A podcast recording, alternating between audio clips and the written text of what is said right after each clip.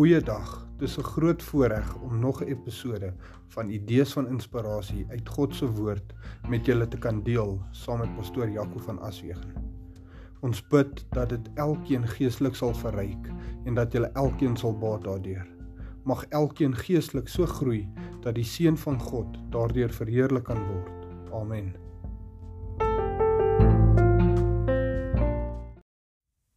Hartlike goeiedag. Ek groet julle weer in die wondersoete naam van Jesus. Ons gedagte vir vandag is gemeenskap met die leraar tot geregtigheid.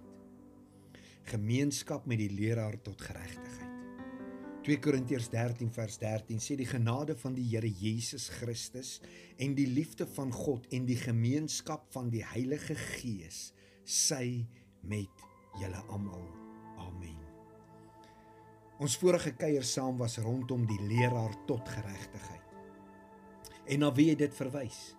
Die Heilige Gees. Ons het ook gesels rondom die woordjie geregtigheid wat spreek van die gesindheid by die mens in ooreenstemming met die wil van God. Asook die gesindheid by die mens om reg aan 'n ander te laat geskied.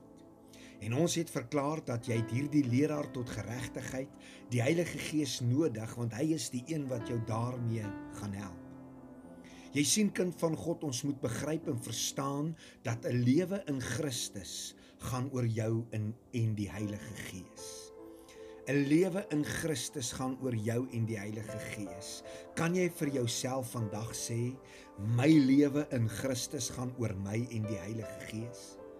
Jy sien die meerderheid van die mensdom lewe en sterwe sonder om ooit gemeenskap met die Heilige Gees te ervaar of te beleef. Miskien weet jy so ietsie van die Heilige Gees. Miskien het jy so ietsie van hom gehoor of in die kerk van hom geleer. Dalk so ietsie in die Bybel gelees of miskien dalk al so ietsie van hom ervaar. Maar om van hom te weet en om so ietsie van hom te ervaar en om hom persoonlik te ken is twee verskillende dinge. Kom ek verduidelik. Om van jou te weet en so ietsie van jou te ervaar baat my niks. Maar as ek jou intiem ken, persoonlik en verander dit die hele prentjie want dan eers besef ek wat se waarde daar in jou is. Dan besef ek eers waartoe jy in staat is wat se aandeel jy kan speel in my lewe om dit te verryk en om die koninkryk van God uit te brei. En hoe leer ons mekaar intiem en persoonlik ken? Deur verhouding te bou. Deur tyd saam met mekaar te spandeer en deur te kommunikeer. Jy sien die mikpunt is dat jy die Heilige Gees persoonlik sal leer ken. Hoekom? Mag jy vra. Eerstens, dis die Gees van God. 1 Korintiërs 2 vers 10 tot 12 leer ons, maar God het dit aan ons deur sy Gees geopenbaar, want die Gees ondersoek alle dinge, ook die dieptes van God. Want wie van die mense weet wat in 'n mens is, behalwe die Gees van die mens wat in hom is?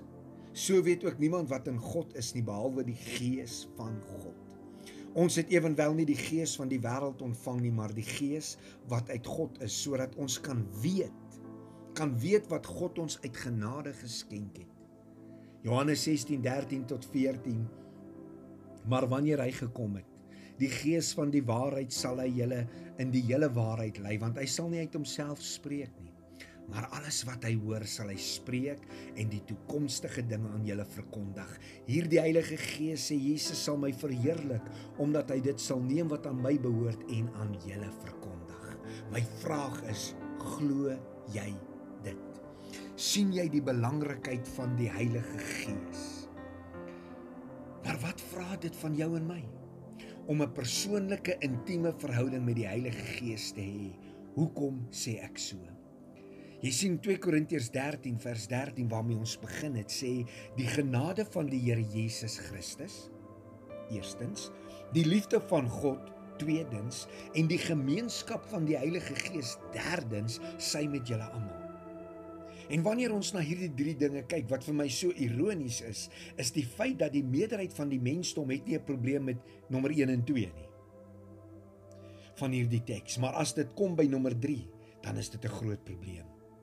Jy sien ons ken en verstaan dat God 'n God van liefde is. Ons verstaan dat dit wat Jesus gedoen het is uit genade, maar as ons sê jy moet gemeenskap hê met die Heilige Gees, dan duins ons terug. Net dalk as gevolg van die feit dat ons dink dat dit nou beteken dat daar gedink sal word dat die Vader en die Seun afgeskeep gaan word. Maar hoor wat sê die woord. Johannes 15:26 As die trooster gekom het wat ek vir julle van die Vader sal stuur, die Gees van die waarheid wat van die Vader uitgaan, sal hy van my getuig. Jesus sê hierdie Gees sal van hom getuig.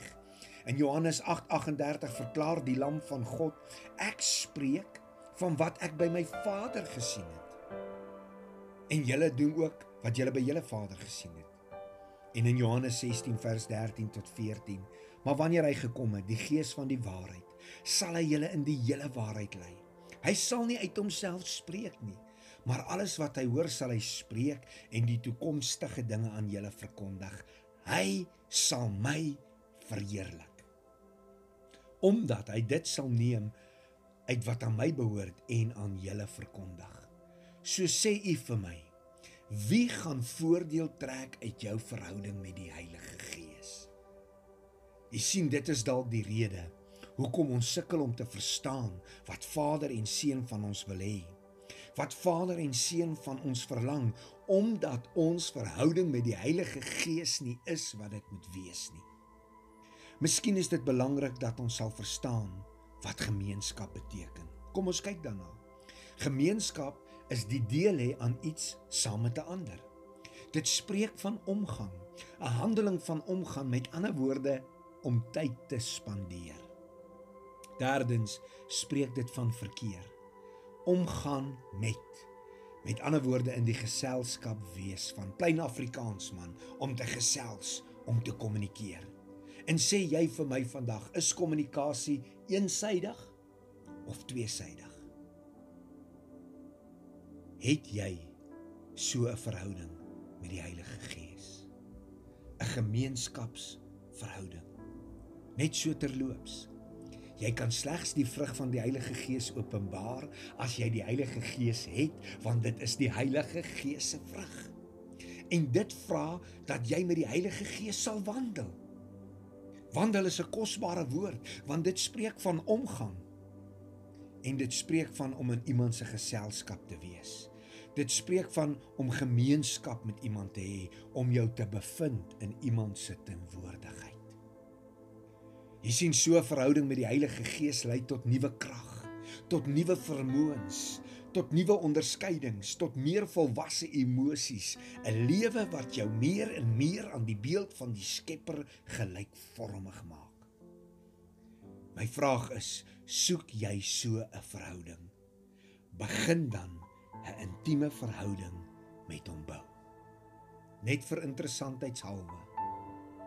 Hoe meet ek my verhouding met die Heilige Gees. Drie dinge. Die mate van geregtigheid in my lewe, my heilige makingsvlak. Tweedens die mate van die beeld van die Skepper in my lewe. En derdens die vrug van die Gees wat ek in my lewe openbaar. 2 Korintiërs 13:13 13.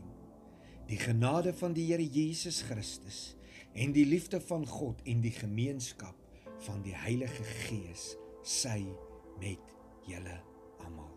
Amen. Gemeenskap beteken koinonia wat spreek van intimiteit, vennootskap, verantwoordelikheid, maar later meer hieroor. Mag die Here jou seën. Amen.